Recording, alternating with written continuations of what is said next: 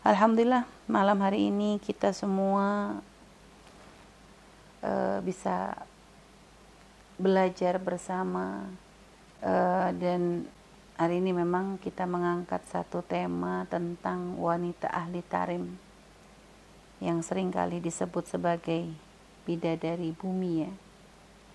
Apa sebabnya sampai mereka wanita-wanita tarim banyak dari orang-orang menjuluki mereka tuh seperti bidadari yang ada di muka bumi.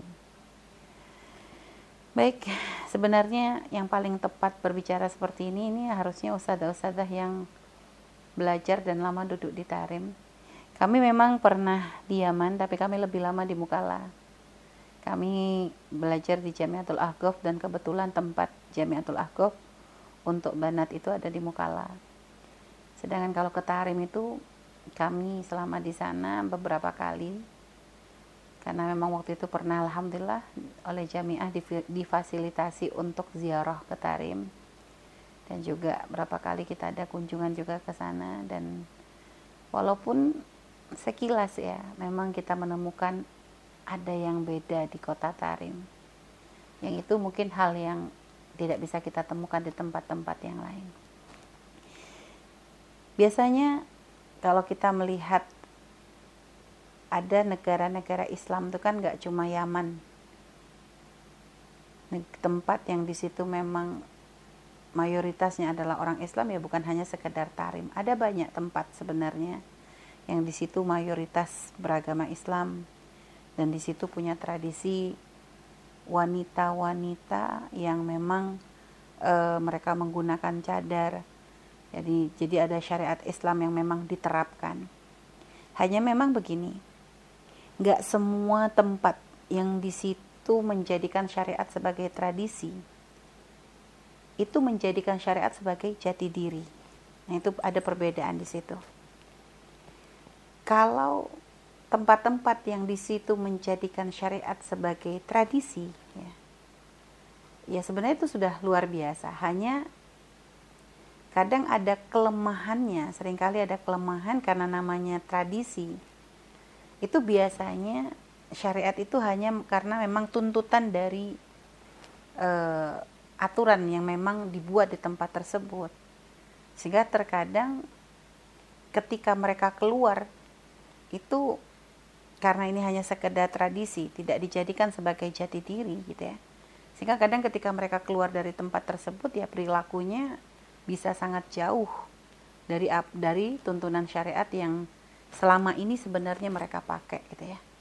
Sehingga mungkin para akhwat ya yang pernah mungkin menempuh perjalanan melaksanakan ibadah umroh ya. Biasanya mungkin kita menemukan di pesawat ada wanita-wanita yang ketika masuk pesawat gitu ya, mereka menggunakan pakaian yang tertutup. Tapi ketika kita keluar pesawat, kita nggak ketemu lagi sama mereka kok nggak ada tadi perempuan yang sebelah kita yang pakai baju tertutup, baju hitam, cadar dan sebagainya. Ketika kita turun kita nggak ketemu. Pernah berapa kali kami menemukan kejadian seperti itu. Jadi kadang bukan sekedar mereka membuka cadarnya, bahkan sampai kerudung dan pakaian pun dibuka. Kenapa? Karena syariat hanya dijadikan sebagai tradisi di tempat tersebut. Jadi hanya karena mereka di situ aturan yang tidak tertulis ya atau mungkin sudah menjadi adat ya menjadi kalau tidak tidak dilakukan akan dianggap sebagai aib gitu ya. Sehingga menjadikan mereka tuh ya mau tidak mau ya apakah terpaksa atau tidak terpaksa mereka harus mengikuti. Tapi kadang jika ini tidak dibangun dengan kesadaran bahwa ini adalah syariat, bahwa ini adalah kebanggaan, bahwa ini adalah identitas orang muslim muslimah, ini tidak akan bisa bertahan lama. Adapun kalau ditarim gitu ya, khususnya memang di Tarim itu memang beda luar biasa. Karena di sana syariat itu menjadi jati diri menjadi satu keyakinan menjadi identitas menjadi kebanggaan. Sehingga mereka itu dengan lingkungan memang yang membentuk membentuk mereka untuk seperti itu ditambah dengan kesadaran di dalam hati itu menjadikan mereka lebih kuat di dalam berpegang. Dan itu subhanallah ya luar biasa Allah menjaga negeri Yaman itu dengan cara yang unik ya. Kami ingat gitu ya, awal-awal ketika kami datang, eh, tahun 2000-an itu ya. Itu suasana itu kami memang nggak di Tarim ya, kami di Mukalla saja. Eh, walaupun memang Mukalla nggak seperti Tarim ya, tapi masih kalau dibanding negara Islam yang lainnya masih sangat lumayan. Artinya dalam menjaga syariatnya pun lumayan bagus. Hanya memang tidak seketat atau tidak se apa ya ya gak sekuat yang ada di Tarim, tapi sudah sangat lumayan untuk ukuran negeri Arab itu sudah sangat bagus. Bahkan yang unik gitu ya setelah kemarin malah terakhir kemarin ketika kami belum lama ziarah ke guru kami yang ada di Mukalla kami menemukan eh, wanita-wanita di sana itu malah lebih menutup diri gitu jadi awal ketika kami datang gitu ya negara Yaman itu kan memang bukan negara yang maju. Kita masih masuk tuh sampai bingung. Kami tuh nggak nemukan ada mobil bagus. Mobil tuh ih benar-benar kayaknya kalau di kita tuh udah mobil rongsok gitu ya. Tapi malah itu memang jadi mobil yang seliwar-seliwar sekitar kita. Sampai kayaknya nyari mobil bagus satu tuh nggak ketemu. Dua tahun tiga tahun kita di situ tuh sudah mulai perubahannya tuh cepet banget. Perubahannya tuh cepet awal kami datang nyari cadar panjang itu jadi kalau di Mukalla tuh cadarnya nggak seperti Tarim. Kalau Tarim kan sampai kerubut gitu ya. Kalau di Mukalla itu masih cadar cadar biasa gitu ya. Itu awal nyari cadar panjang itu kami masih gampang. Berjalan lima tahun hampir empat tahun tiga tahun empat tahun tuh mulai. Kami nyari cadar panjang tuh susah. Semakin pendek semakin pendek semakin pendek. Ya. Subhanallah gitu ya. Kami sempat khawatir. Dan memang waktu itu kita ngeliat tuh perubahannya tuh cepat dalam hitungan tahun itu mulai banyak kemajuan mulai banyak dibangun tempat ya sampai ada, dari yang awalnya sama sekali nggak ada mall sampai ada mall sampai ini tuh benar-benar yang ya satu sisi ya memang ada ya namanya manusia. Dengan fasilitas begitu kita menganggap itu sebagai satu hal yang baik gitu. Tapi satu sisi memang ada kemunduran-kemunduran. Dan subhanallah gitu ya Allah uji ketika diaman itu sudah hampir uh, ada banyak kemajuan ada banyak itu tiba-tiba diuji oleh Allah dengan perang. Dengan perang yang membuat keadaan saat itu berubah. Sehingga sampai ada krisis. Belum lagi ketidak ketiadaan kepemimpinan. Menjadikan Yaman itu goncang banget gitu ya. Sehingga keadaan yang awalnya sudah sempat di zaman kami itu sudah sempat listrik sudah ya walaupun ada mati tapi nggak parah sampai benar-benar kondisinya tuh balik ke zaman Yaman di awal-awal dulu sebelum merdeka listrik sering mati dan sebagainya dan tapi kami menemukan ini cara Allah kadang kita mengambil hikmah ya kita nggak boleh prasangka buruk kepada Allah. Hanya kami melihat ujian itu memang kayaknya secara zahir berat bagi mereka. Tapi sebenarnya ini adalah cara Allah untuk menjaga ahli Yaman. Ahli Yaman khususnya ahli Tarim. Supaya apa? Agar ya yang namanya kemajuan di satu sisi memang akan membawa kemudahan dalam ya urusan dunia, tapi tentu mudorotnya tidak sedikit. Nah, memang subhanallah, Tarim ini memang unik gitu ya. Di tengah dunia yang seperti ini, kita tuh memang kayak menemukan dunia yang berbeda di kota Tarim. E, suasana yang subhanallah ya. Kita ingat dulu ketika kita masih kecil, kita nggak banyak punya tontonan, kita televisi pun ya hanya satu channel saja, TVRI saja, dengan tontonan yang sangat ala kadarnya, yang punya TV pun nggak banyak, radio juga ya begitu, kita hanya paling hiburan radio. Itu suasana itu masih sangat kondusif ya. Gaung, masjid, TPQ, apa itu masih sangat bergema sekali. Hiburan kita adalah berdiam diri di masjid. Tapi seiring berjalannya waktu, semakin banyaknya kemajuan dan kemudahan, mulai ada pergeseran-pergeseran yang akhirnya menjadikan masjid kalah dengan tempat-tempat hiburan. Itu sudah banyak terjadi di semua tempat akan tetapi untuk di kota Yaman khususnya di Tarim ini masih sangat-sangat dijaga oleh Allah Subhanahu wa taala. Sehingga memang Tarim itu karena memang luar biasa, wanita-wanita di sana adalah orang-orang yang memang menjadikan idola mereka satu-satunya adalah Sayyidah Fatimah. Jadi ketidak banyaknya fasilitas, ya tontonan dan apa-apa yang yang yang bisa masuk ke rumah mereka itu menjadikan mereka sangat-sangat terjaga dan aman. Seorang syekh ya, ada seorang syekh, seorang alim. Beliau berkata, akan tiba masa di mana nanti musuh-musuh Allah, orang-orang kafir itu akan memasukkan pemikiran mereka melalui jendela, jendela rumah kalian. Artinya pemikiran itu akan masuk di melalui jendela rumah kalian. Dulu omongan orang alim ini menjadi satu hal yang dipertanya gimana caranya? Gimana bisa orang-orang kafir itu bisa memasukkan info pengaruh buruk itu masuk ke dalam rumah kita itu melalui jendela-jendela. Seperti apa gambarannya? Gak kebayang. Tapi ternyata zaman sekarang itu sudah sangat kita sudah bisa uh, mendapatkan jawaban dari omongan orang alim tersebut. Memang ya rusaknya umat ini ya karena pengaruh-pengaruh buruk yang dikirim oleh musuh-musuh Allah yang sekarang itu ada di dalam rumah kita, ada di tangan kita dalam keseharian kita. Jadi begitu banyaknya info yang masuk ya. Terus ya akhirnya menjadikan kita itu sudah mulai terjadi pergeseran. Tapi di Tarim ini masih sangat-sangat terjaga sekali. Uh, ya, subhanallah, terbatasnya sinyal ya. Jadi semua benar-benar ini cara Allah untuk melindungi mereka agar mereka itu tidak banyak melihat dan mendengar hal-hal yang tidak baik. Dan kepribadian ini menjadikan Sayyidah Fatimah sebagai idola. Ini memang sudah kayak mengakar, mendarah daging. Sudah terjadi dalam obrolan sehari-hari antara ibu dengan anak, antara tetangga dengan tetangga, keluarga.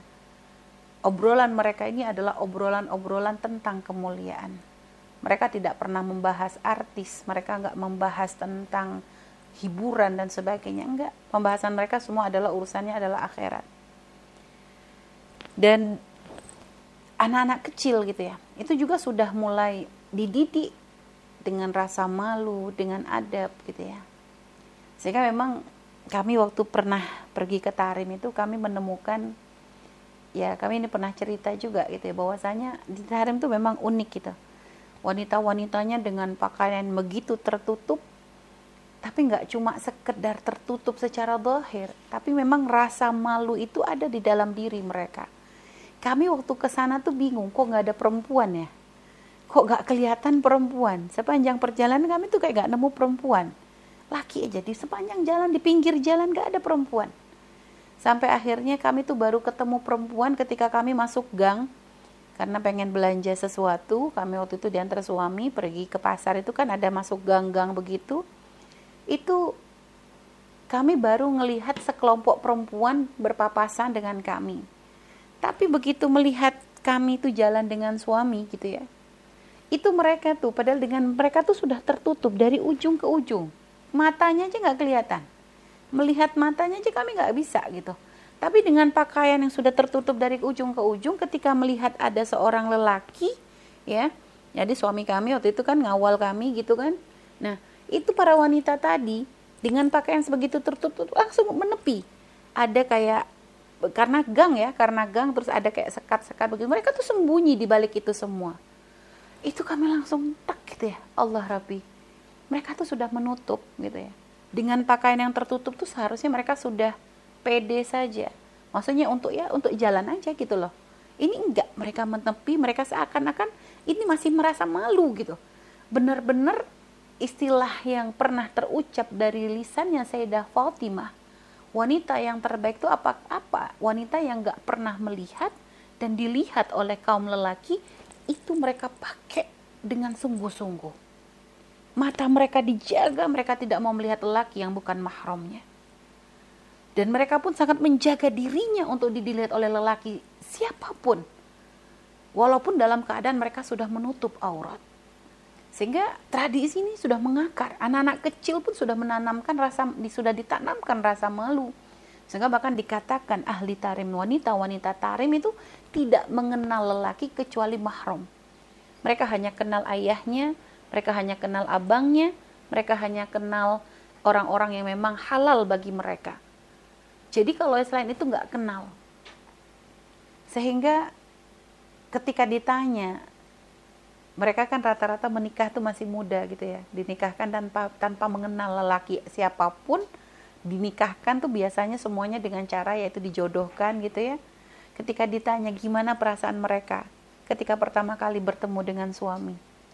Mereka bilang kami tuh bingung karena kami tuh nggak pernah ketemu, kami nggak pernah kenal lelaki mana pun kecuali ayahanda dan atau keluarga yang memang mahram kami. Subhanallah. Jadi terus tiba-tiba ada orang yang yaitu disandingkan dengan kami. Jadi itu benar-benar sesuatu yang ya aneh banget gitu. Mereka nggak bisa menggambarkannya karena mereka nggak pernah kenal lelaki siapa pun yang bukan mahramnya. Jadi benar-benar sangat terjaga. Ini adalah kelebihan-kelebihan ya yang e, menjadi ciri khas dari wanita-wanita tarim. Belum lagi gitu ya, hubungan mereka yang begitu erat dengan Allah Subhanahu wa taala. Idola mereka yaitu Sayyidah Fatimah Az-Zahra itu menjadikan mereka itu menjadikan hiburan mereka sehari-hari itu adalah zikrullah membaca solawat kepada Nabi Muhammad Sallallahu Alaihi Wasallam. Sehingga dikatakan semua aktivitas mereka itu adalah zikir dan bersolawat. Mempunyai anak pun hiburan mereka adalah membaca zikir dan bersolawat ketika nanti mereka pun menyusui anak maka yang akan terus sering didengar oleh putra putri mereka dari mulai ketika di dalam kandungan ketika mereka telah dilahirkan itu adalah zikrullah dan solawat dan suasana gitu ya mendatangi majelis-majelis di sana itu masih menjadi sesuatu yang uh, apa ya kayak luar biasa banget gitu ya. Kami di Mukala sendiri mencari majelis itu susah di Mukala kami kalau mau mencari majelis untuk perempuan tuh hampir tidak ada. Hampir tidak pernah selama berapa tahun kami di Mukala kami nggak pernah menemukan ada majelis khusus wanita itu hampir tidak ada. Tapi kalau di Tarim di setiap tempat itu banyak sekali kajian-kajian. Jadi kayaknya setiap masuk rumah orang tuh kayaknya mereka tuh orang-orang yang memang benar-benar ngerti banget tentang agama perilaku mereka ini mereka tuh kayaknya ya Allah masuk ke rumah sampai ke penjual ya. Kemarin kami sempat waktu ke Tarim kami masuk rumah orang yang uh, seorang ya seseorang yang menjual kayak buhur gitu ya. Ternyata walaupun mereka tuh punya uh, kayak jualan buhur tapi ternyata beliau ini juga termasuk pengajar. Mereka juga termasuk ya kalau disebut ya hubabah gitu ya. Mereka sendiri adalah orang-orang mulia. Tapi mereka tuh nggak gengsi gitu untuk melakukan pekerjaan-pekerjaan yang seperti itu. Dan juga benar-benar apa ya ya unik gitu ya. Memang kami subhanallah wanita di sana tuh memang beda sangat berbeda. Hal-hal baik itu tidak lekang oleh waktu. Kita saja zaman Umi kecil dengan zaman sekarang tuh sudah terjadi perbedaan yang luar biasa. Tadi kami katakan suasana yang dulu yang kami rasakan ketika kami masih kecil itu sudah tidak lagi kita temukan sekarang. Tapi di Tarim dari awal pertama melihat ya Tarim sampai setelah bertahun-tahun kami tidak datang kami kembali lagi ke Tarim ternyata suasananya masih tetap sama suasananya tetap sama tidak ada yang berubah wanita-wanitanya masih menjadi menjadi wanita-wanita yang sangat menjaga diri dan kehormatannya luar biasa. Itulah yang sangat spesial. Makanya nggak kaget ketika banyak orang mengatakan bahwa wanita tarim adalah para bidadari yang ada di muka bumi. Karena yang menjadikan mereka istimewa adalah kedekatan hati mereka kepada Allah Subhanahu wa taala. Jadi ada beberapa hal ya yang menjadikan mereka itu istimewa. Yang pertama siapa pun yang punya hubungan indah dengan Allah, siapa pun yang punya ikatan kuat dengan Allah itu akan menjadikan hidupnya bermakna, akan menjadikan mereka berbeda, akan menjadikan mereka spesial. Karena itu kunci keberkahan, itu kunci ke kemuliaan adalah ketika seorang hamba bisa menjalin hubungan dekat dengan Allah. Dengan cara apa? Dengan cara menjaga syariat Allah. Ihfadillah yahfadkah. Jaga Allah maka Allah akan menjagamu jadi itu yang mereka lakukan. Mereka selalu menjaga Allah dalam setiap keadaan. Mereka menjadikan itu jati diri. Mereka tidak menjadikan itu hanya sekedar tradisi. Mereka bangga dengan apa yang mereka pegang selama ini. Mereka bangga dengan apa yang diajarkan kepada mereka selama ini. Tidak ada protes, tidak ada ke pemberontakan. Mereka menjalani itu semua dengan kesadaran bahwa itu adalah pintu kemuliaan. Ini yang mahal, ini yang susah. Ini yang kadang untuk sulit untuk kita terapkan di negeri kita ini sangat-sangat sulit sekali. Akan tetapi di sana subhanallah semua orang dari yang paling kecil sampai yang paling tua itu benar-benar mempunyai pemikiran yang seperti itu. Lalu apalagi kelebihan mereka tadi kami katakan mereka selalu berzikir, bersolawat, berdoa dalam setiap keadaan. Dalam setiap keadaan. Sehingga perkumpulan mereka tuh ya perkumpulan-perkumpulan mulia. Perkumpulan mereka tuh perkumpulan istimewa. Kalau berkumpul, obrolan gak ada, bergosip dan sebagainya gak ada. Obrolannya ya begitu, zikir, berbagi ilmu, amalan-amalan. Gemar sekali mereka mengamalkan ini, itu, ini, itu, dan sebagainya. Kemarin kami datang ke kedatangan tamu gitu ya seorang wanita ahli tarim gitu. Itu subhanallah. Apa-apa itu semuanya itu ada kayak bimbingan doa. Jadi mereka melakukan ini doa mereka melakukan ini doa. Kami melihat satu satu contoh saja seorang wanita ahli tarim yang masya Allah gitu loh. Dalam apa pun itu ya mereka tuh selalu kayak menghadirkan doa dalam setiap aktivitas. Untuk minum untuk makan. Ya kalau kita kan paling sering ya makan bismillah, minum bismillah kan gitu. Kalau mereka tuh beda. Untuk apa lagi? Hampir semua. Ya Robi kata kita. Begitu dan itu tuh kayak udah refleks saja mereka melakukan itu tuh udah kayak benar-benar sudah kayak menyatu banget dengan hal itu. Bukan lagi sesuatu yang bisa mereka lupa, tapi sudah kayak refleks apa yang keluar itu adalah doa, doa, zikir dan sebagainya. Luar biasa. Lalu setelah itu apa? Kehidupan yang sederhana ya. Jadi mereka tuh nggak pernah ngeluh gitu ya dengan keadaan tarim dengan keadaan negeri tarim yang ya kayaknya dari dulu tuh ya begitu begitu aja. Nggak ada seger-segernya nggak ada. Aja kalau melihat dari se secara dohir nggak kuat kita nggak betah di sana itu. Kalau ngelihat secara dohir panasnya debunya apa-apanya tuh nggak bisa menjadikan ya kita ngelihat yang biasa mungkin jalan-jalan ke luar negeri yang hijau yang bersih masuk ke tarim ya agak apa yang menjadikan ini indah? Tapi memang yang bisa merasakan keindahannya hanya orang-orang pilihan. Orang kalau sudah biasa pernah ke tarim akan selalu rindu untuk bisa kembali ke sana. Padahal sebenarnya orang tuh kan biasa rindu tuh kan karena ada sesuatu yang yang indah atau apa. Uh pengen ke sana lagi pemandangannya bagus. Nggak di tarim nggak butuh pemandangan bagus. Akan tetapi memang perilaku orang-orang di situ mempunyai daya tarik yang luar biasa seakan-akan subhanallah ada magnet yang yang nggak terlihat. Padahal kalau dilihat ini tanah ini Allah debunya masya Allah. Bikin kita tuh panasnya apalagi panasnya tuh dari sisi cuaca itu nggak ada menarik menariknya tapi begitu memang kita ini tuh kalau kita merasakan hati kita itu nggak bisa dipungkiri. Sehingga kami pernah menemukan ada seorang wanita yang dia itu kehidupannya sebelum pergi ke Tarim itu sangat mewah dia punya suami ya, orang luar negeri gitu orang Belanda. Kebayang kan Belanda negeri apa? Negeri yang dikenal dengan kecantikannya kayak surga dunia tuh ya di Belanda. Kebayang dia dengan suaminya dengan kehidupannya yang mewah dia tinggalkan dunia dia pergi ke kota Tarim sudah nggak mau balik lagi dia bilang kami sudah menemukan ketenangan sampai anaknya pun kami merasa melihat anaknya tuh dengan wajahnya yang bule begitu dia pun menikmati sekali kehidupan di negeri tanah begitu kayak nggak bahagia nggak ada. Sampai ketika kami coba bertanya nggak kepengen tah pulang ke Belanda? Nggak kepengen tah? Dia bilang enggak kenapa? Banyak orang kafirnya. Di sini lebih senang. Banyak wali-wali Allah. Lihat anak kecil. Anak kecil pun ternyata sudah bisa mengeluarkan statement itu gitu. Dia bisa melihat mana yang paling. Jadi bukan lagi keindahan dunia yang nampak di matanya akan tapi ketenangan jiwa itu yang menjadi pilihan hidupnya. Luar biasa Nah itulah. Jadi kesederhanaan itu memang sudah menjadi ciri khas sehingga mereka itu memang ya dengan tidak mengeluh ketika listrik selalu mati. Kalau mati ya kebayang.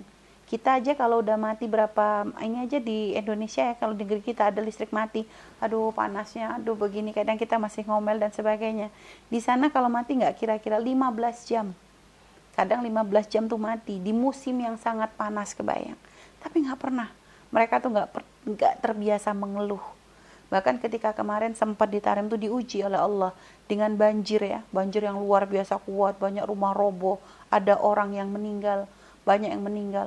Tapi subhanallah gak ada wajah-wajah susah wajah-wajah stres wajah-wajah kayak orang yang uh teriak-teriak gara-gara rumahnya roboh atau ada enggak mereka nyantai jadi jalan habis itu beberes rame-rame dan sebagainya. Seperti itu karena kami dapat cerita sendiri dari keponakan yang ada di sana. Nyantai aja orang tarim. Nggak gimana gitu enggak biasa aja. Mereka mah memang begitu. Sudah tawakal ini takdir Allah. Jadi mereka nggak akan ada istilah ngomel. Ya Allah kenapa? Kenapa harus ada banjir? Dosa kami apa? Tidak ada kalimat itu akan terucap dari lisan mereka.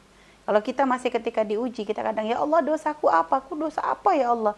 Kayak kayak kita nggak punya dosa jadi kalau ahli tarif nggak begitu ada banjir ya sudah takdir Allah Kenapa harus kita protes? Itu sudah nggak bisa diprotes. Akhirnya sudah mereka menjalani semua dengan menerima ridho dengan ketentuan Allah Subhanahu Wa Taala. Itu uniknya negeri Tarim, kota Tarim dan Subhanallah ya itu luar biasa.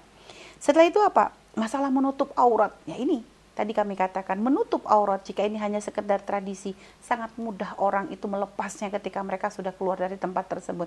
Tapi kalau sudah menutup aurat menjadi jati diri, menjadi kebanggaan, lihat ini akan benar-benar menjadi sesuatu yang akan sangat-sangat mereka jaga. Makanya tadi kami ceritakan dengan keadaan menutup aurat pun mereka masih punya rasa malu yang luar biasa. Mereka masih tidak ingin dilihat oleh lelaki walaupun dengan pakaian yang begitu tertutup. Luar biasa ini benar-benar sesuatu yang kadang sangat menyentuh hati gitu ya. Itu luar biasa banget. Kita belum mampu untuk seperti mereka karena lingkungan kita memang tidak membentuk kita untuk seperti itu. Karena makanya Nabi itu selalu mengatakan aljar qobladar kalau kita tuh pengen memilih tempat tinggal maka lihat lingkungannya lihat tetangganya baru lihat rumahnya. Makanya subhanallah di Tarim ini karena memang lingkungan sudah membentuk seperti itu sehingga orang pun yang mungkin awalnya uh, tidak tidak apa namanya bukan orang yang ya tidak tidak bisa maksudnya belum buk, uh, artinya orang pendatang kan artinya belum terbiasa pun tapi akhirnya karena lingkungan di Tarim itu membentuk kepribadian seseorang untuk menjadi orang yang yang seperti itu gitu ya dengan kebiasaan-kebiasaan yang baik di sana maka mereka pun akan terbawa. Dan kami benar-benar menemukan kami punya teman-teman tidak sedikit ya yang mereka itu aslinya hidupnya tuh di ada teman yang dari Singapura, ada teman dari mana lagi itu beberapa teman yang di sana itu mereka yang mereka tuh benar-benar ninggalin dunia. Mereka tinggalin tuh rumahnya, mereka tinggalin mobilnya, mereka tinggalkan kemewahan. Tinggal di Tarim awalnya katanya cuma niat setahun. Eh ternyata sampai bertahun-tahun nggak bisa pulang. Waktu kami tanya kenapa, katanya cuma sebentar nggak bisa umi kalau sudah ditarim tuh kami kayak terikat sudah kami sudah nggak kepengen lagi untuk pulang kami rasanya kalau mau keluar dari tempat ini kami merasa takut kami merasa tidak aman kami merasa tidak nyaman. Mereka sudah dengan kesederhanaan tuh tidak menjadikan mereka tuh e, merasa berat. Ini malah dinikmati oleh mereka. Segala apa ya dengan kesederhanaan tarim ini benar benar bukan menjadi sesuatu yang minus bagi mereka. Tapi ini adalah menjadi jalan untuk mereka semakin dekat kepada Allah Subhanahu wa taala. Terus apalagi kelebihan? Masalah khodul basar. Khodul basar. Memang negeri Yaman tuh ada keunikannya, masalah menjaga mata, bukan hanya urusan memandang lawan jenis, tapi kepada segala hal. Makanya dulu kami ketika masih di Yaman gitu, zaman dulu kan belum punya handphone. Kita komunikasi itu biasanya pakai warnet internet itu ya. Nah, biasanya kita internet untuk kita kirim-kirim apa surat gitu ke keluarga gitu pakai email dulu tuh ya uh, di Yaman ya di Yaman secara keseluruhan itu memang ya ada keunikan kalau di Indonesia kan biasanya warnet tuh langsung difasilitasi kayak dibuat kamar-kamar gitu ya. Sehingga orang bisa berbuat apa saja di kamar tersebut ap, menonton apa saja di kamar tersebut privasi.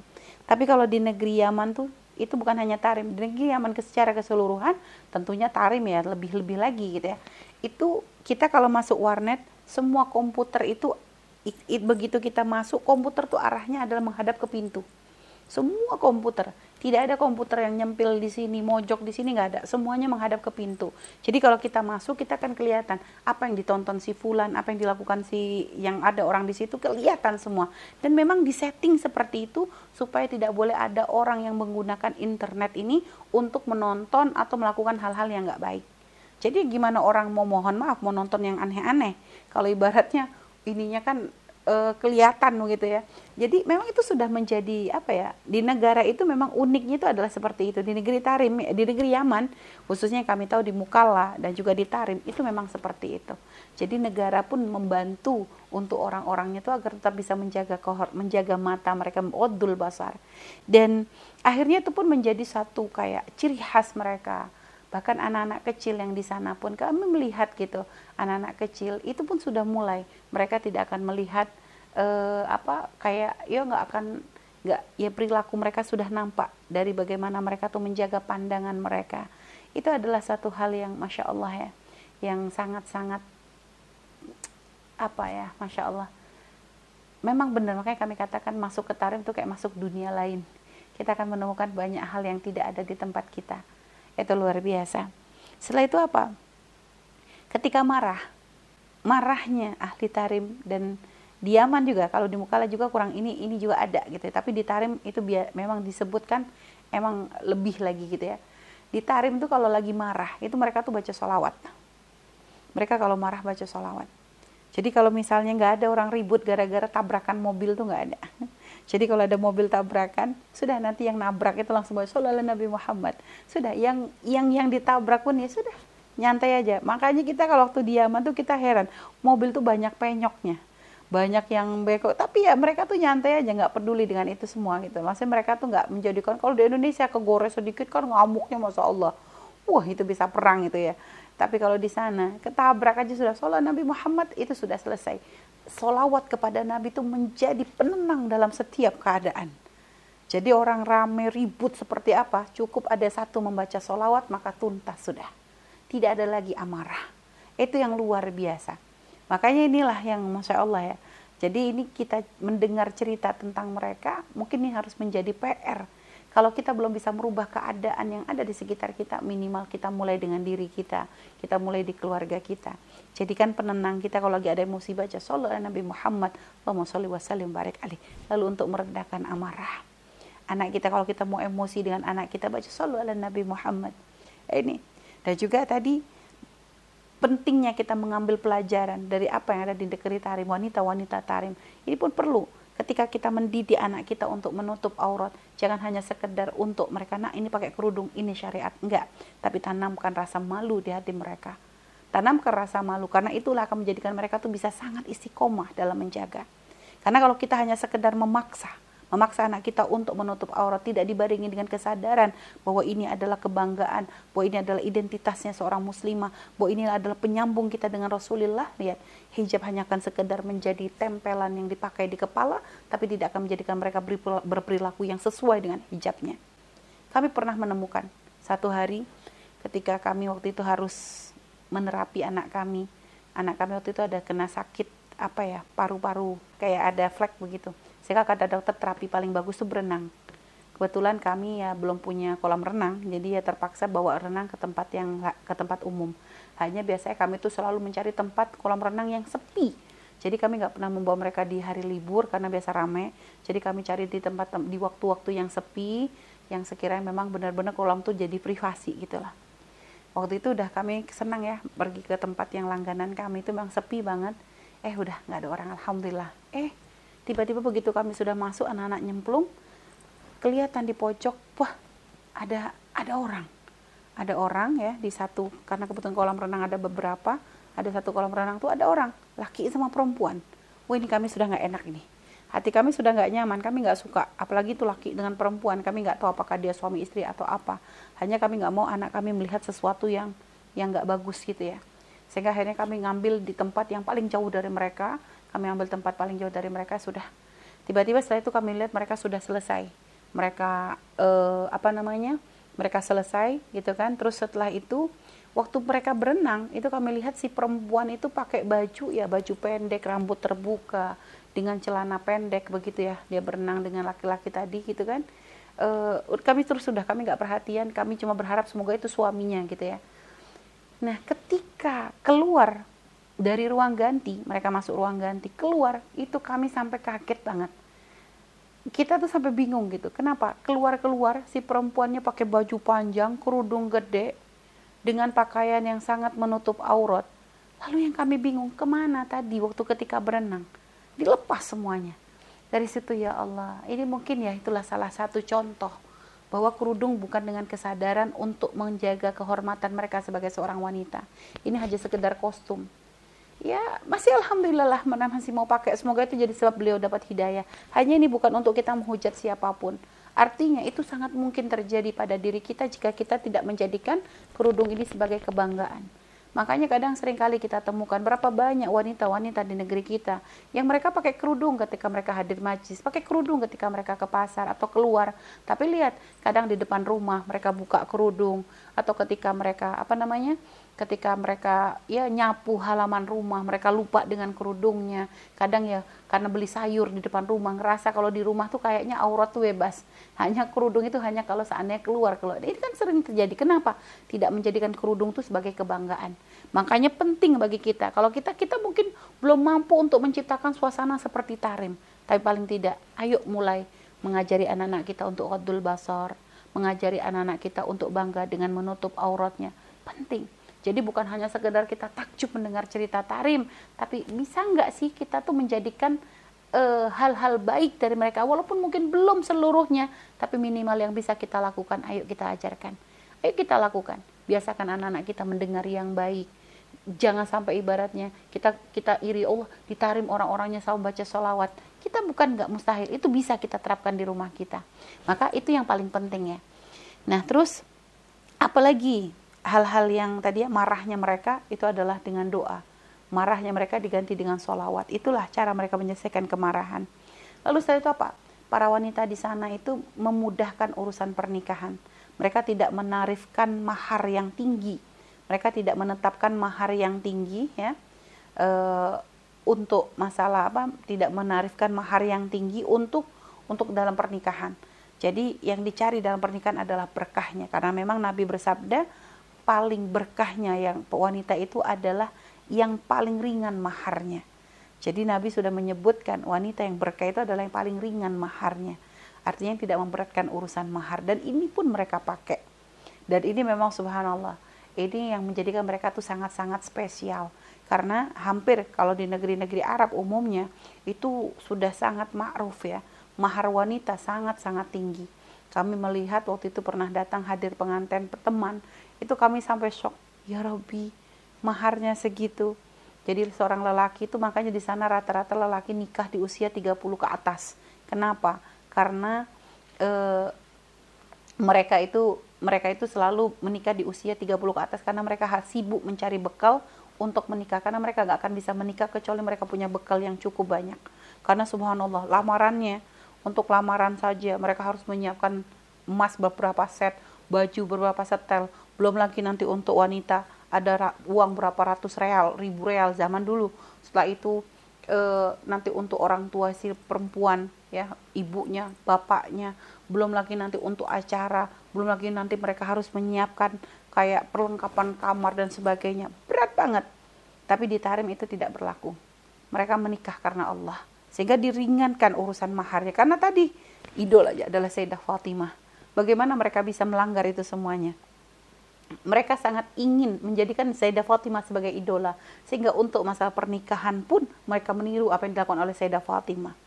Sayyidah Fatimah wanita yang kalau seandainya mahar menjadi standar, menjadi tolak ukur bahwa tingginya kemuliaan wanita dari mahalnya mahar, tentu yang paling pantas untuk memahalkan mahar adalah Sayyidah Fatimah.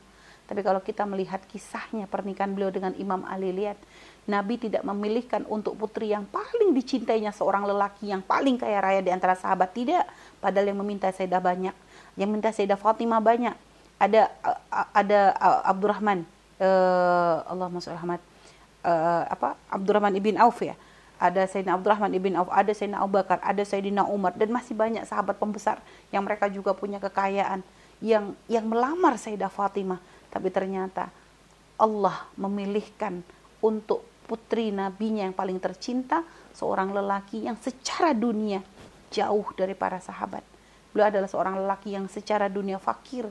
Bahkan ketika akan menikah dengan Sayyidah Fatimah, Imam Ali itu bingung, gak punya apa-apa untuk diberikan. Sampai Nabi mengingatkan kepada si Imam Ali, masih ada nggak baju besi yang dulu pernah aku berikan? Nabi pernah memberikan hadiah baju besi. Maka itu yang dijual oleh Imam Ali untuk digunakan untuk membayar mahar dan memberikan keperluan keperluan pernikahan secukupnya.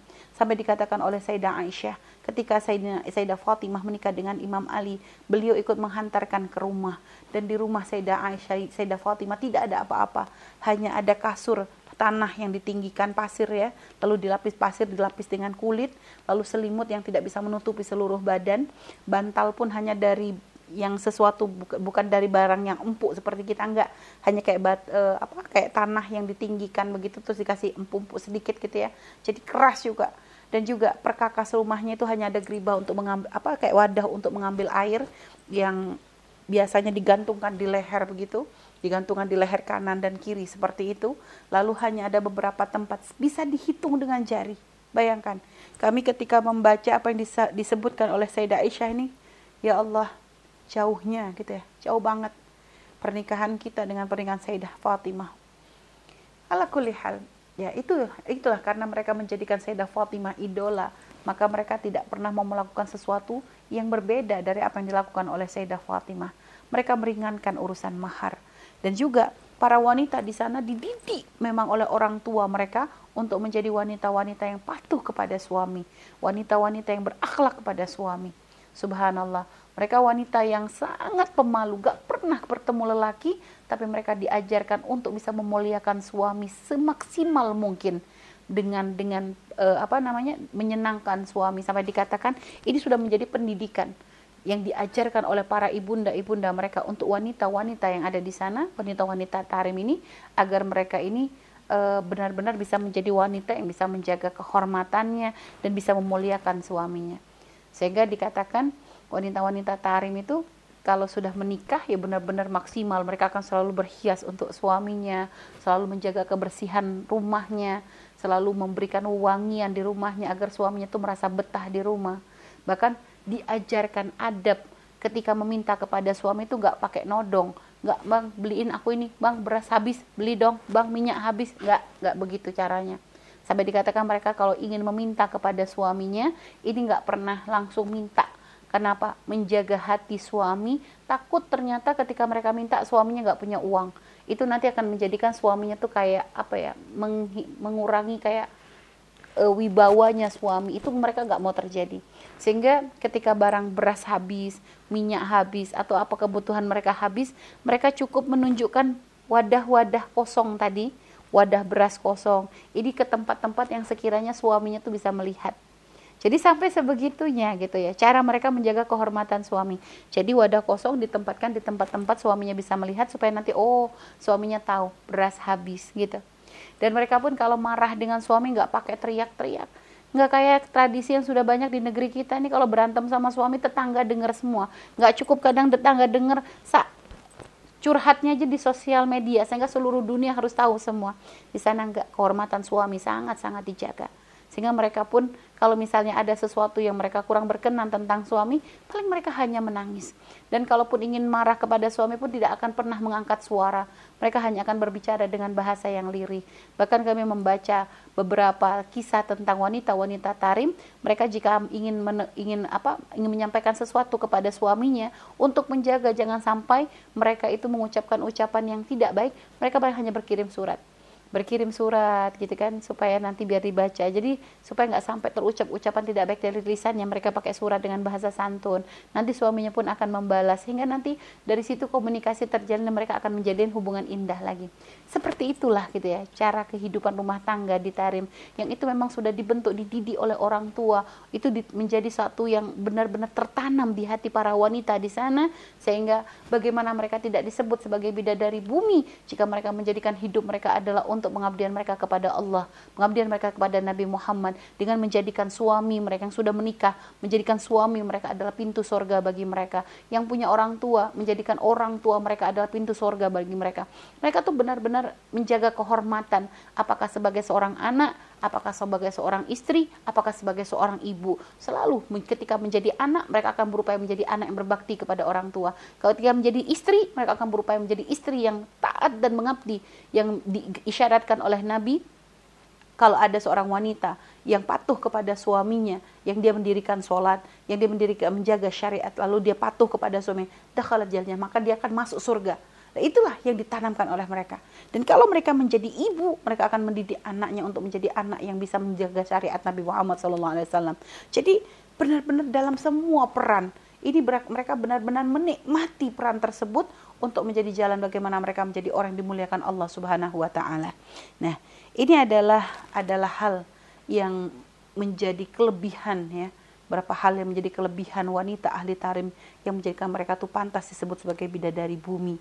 Dan juga adapun ya kami pernah membaca ada kadang amalan-amalan yang paling sering mereka lakukan ya. Mereka lakukan ini biasanya tentu ya eh, kebiasaan yang itu kayak sudah mendarah daging pada diri mereka itu membaca surat Al-Muluk sebelum tidur ya membaca surat Waqiah pada waktu selesai selepas asar ini sudah menjadi kayak kebiasaan mereka. Setelah itu apa? Membaca eh, apa namanya? Membaca istighfar 100 kali di pagi hari 100 kali di sore hari. Lalu begitu mereka membiasakan untuk sholat tahajud mereka membiasakan untuk bersedekah. Jadi kebiasaan-kebiasaan ini tuh menjadi sesuatu yang kayak sudah rutin banget gitu ya dan mereka tuh walaupun dengan kesederhanaan mereka tidak menjadikan diri mereka kikir untuk berbagi. Karena ya contohnya Sayyidah Fatimah dengan kefakiran dalam kefakiran Sayyidah Fatimah tidak menjadi kikir untuk berbagi dengan yang lain. Ya kalau sudah contohnya adalah paling mulianya wanita bagaimana tidak menjadikan mereka wanita-wanita mulia? Sehingga dikatakan pernah ada satu kisah ada seorang solehah gitu ya kaget gitu ke seorang seorang wanita yang terhormat di situ ada diminta tolong untuk memandikan jenazah wanita Tarim tadi ada yang meninggal. Lalu ketika dimandikan tuh kaget. Kenapa? Karena jenazahnya tuh senyumnya luar biasa. Senyum kayak uh sampai luar biasa gitu ya. Ini sampai kaget banget. Senyumnya ini kok kayak begitu cerah begitu senang. Kayak melihat sesuatu yang sangat indah gitu kan. Akhirnya si orang solehah tadi yang memandikan itu ketika memandikan dia minta kepada Allah ya Allah beri beri kepadaku petunjuk apa menjadikan sebab dia tuh bisa tersenyum seperti itu. Karena beliau pun ingin bisa melakukan apa yang dilakukan oleh wanita yang wafat tadi. Dan subhanallah ya ternyata di malam hari dia bermimpi. Bermimpi didatangi oleh wanita tadi oleh wanita yang meninggal tadi. Hanya pun bertanyalah si wanita yang memandikan, si wanita soleh yang memandikan, apa yang menjadikan kamu tuh kok tersenyum, jenazahmu tersenyum. Dia menceritakan, dia menjalankan seperti yang dilakukan orang-orang lain, dia menjalankan sholat, menjalankan puasa, yang menjalankan menjaga kehormatan sebagai seorang wanita. Hanya memang tadi dia punya kebiasaan itu adalah selalu istiqomah dalam bersodakoh. Dia senang bersodakoh, dia senang berbagi. Dan termasuk berbagi dia itu adalah apa? kalau misalnya ketika ada orang lewat di depan rumahnya dia nggak akan ragu untuk memberikan makanan dia mungkin menyuruh anaknya untuk membagikan makanan atau apa dan pernah satu hari dia menunggu orang untuk dia tuh berbagi makanan karena ya kebetulan itu yang dia beliau mampu gitu pengen berbagi makanan dengan orang yang kelihatan membutuhkan yang lewat depan rumahnya nggak ada yang lewat sampai akhirnya lewatlah seekor kambing. Ya sudah, dia pun tidak membedakan karena itu sudah menjadi kebiasaan rutin untuk bersodako. Maka walaupun seekor kambing itu beliau anggap sebagai e, jalan untuk beliau tuh tetap bisa istiqomah dalam bersodako. Hanya makanan yang biasa diberikan ke orang karena ditunggu orang-orangnya tuh nggak lewat gitu ya, diberikan kepada binatang. Itu cara beliau untuk menjaga istiqomah di dalam bersodako. Dan subhanallah dikatakan dan ketika aku wafat amalan-amalan sodakoh yang aku lakukan tuh oleh Allah diperlihatkan di depan mataku. Bagaimana aku tidak tersenyum gitu kan melihat itu semua. Jadi itulah termasuk ya yang dilakukan menjadi kebiasaan-kebiasaan baik yang dilakukan oleh wanita ahli tarim. Semoga dengan kita berbagi kisah tentang wanita-wanita tarim, insya Allah semoga menjadikan kita menjadi wanita-wanita yang bisa berperilaku atau menjadikan wanita yang bisa meniru perilaku beliau semampu kita meniru pelaku wanita tarim semampu kita dalam keseharian kita dan juga semoga kita diberikan kemudahan untuk mendidik anak-anak kita agar mereka pun menjadi orang-orang yang dimuliakan Allah Subhanahu wa taala insyaallah. Ini saja dari kami wallahu a'lam bishawab.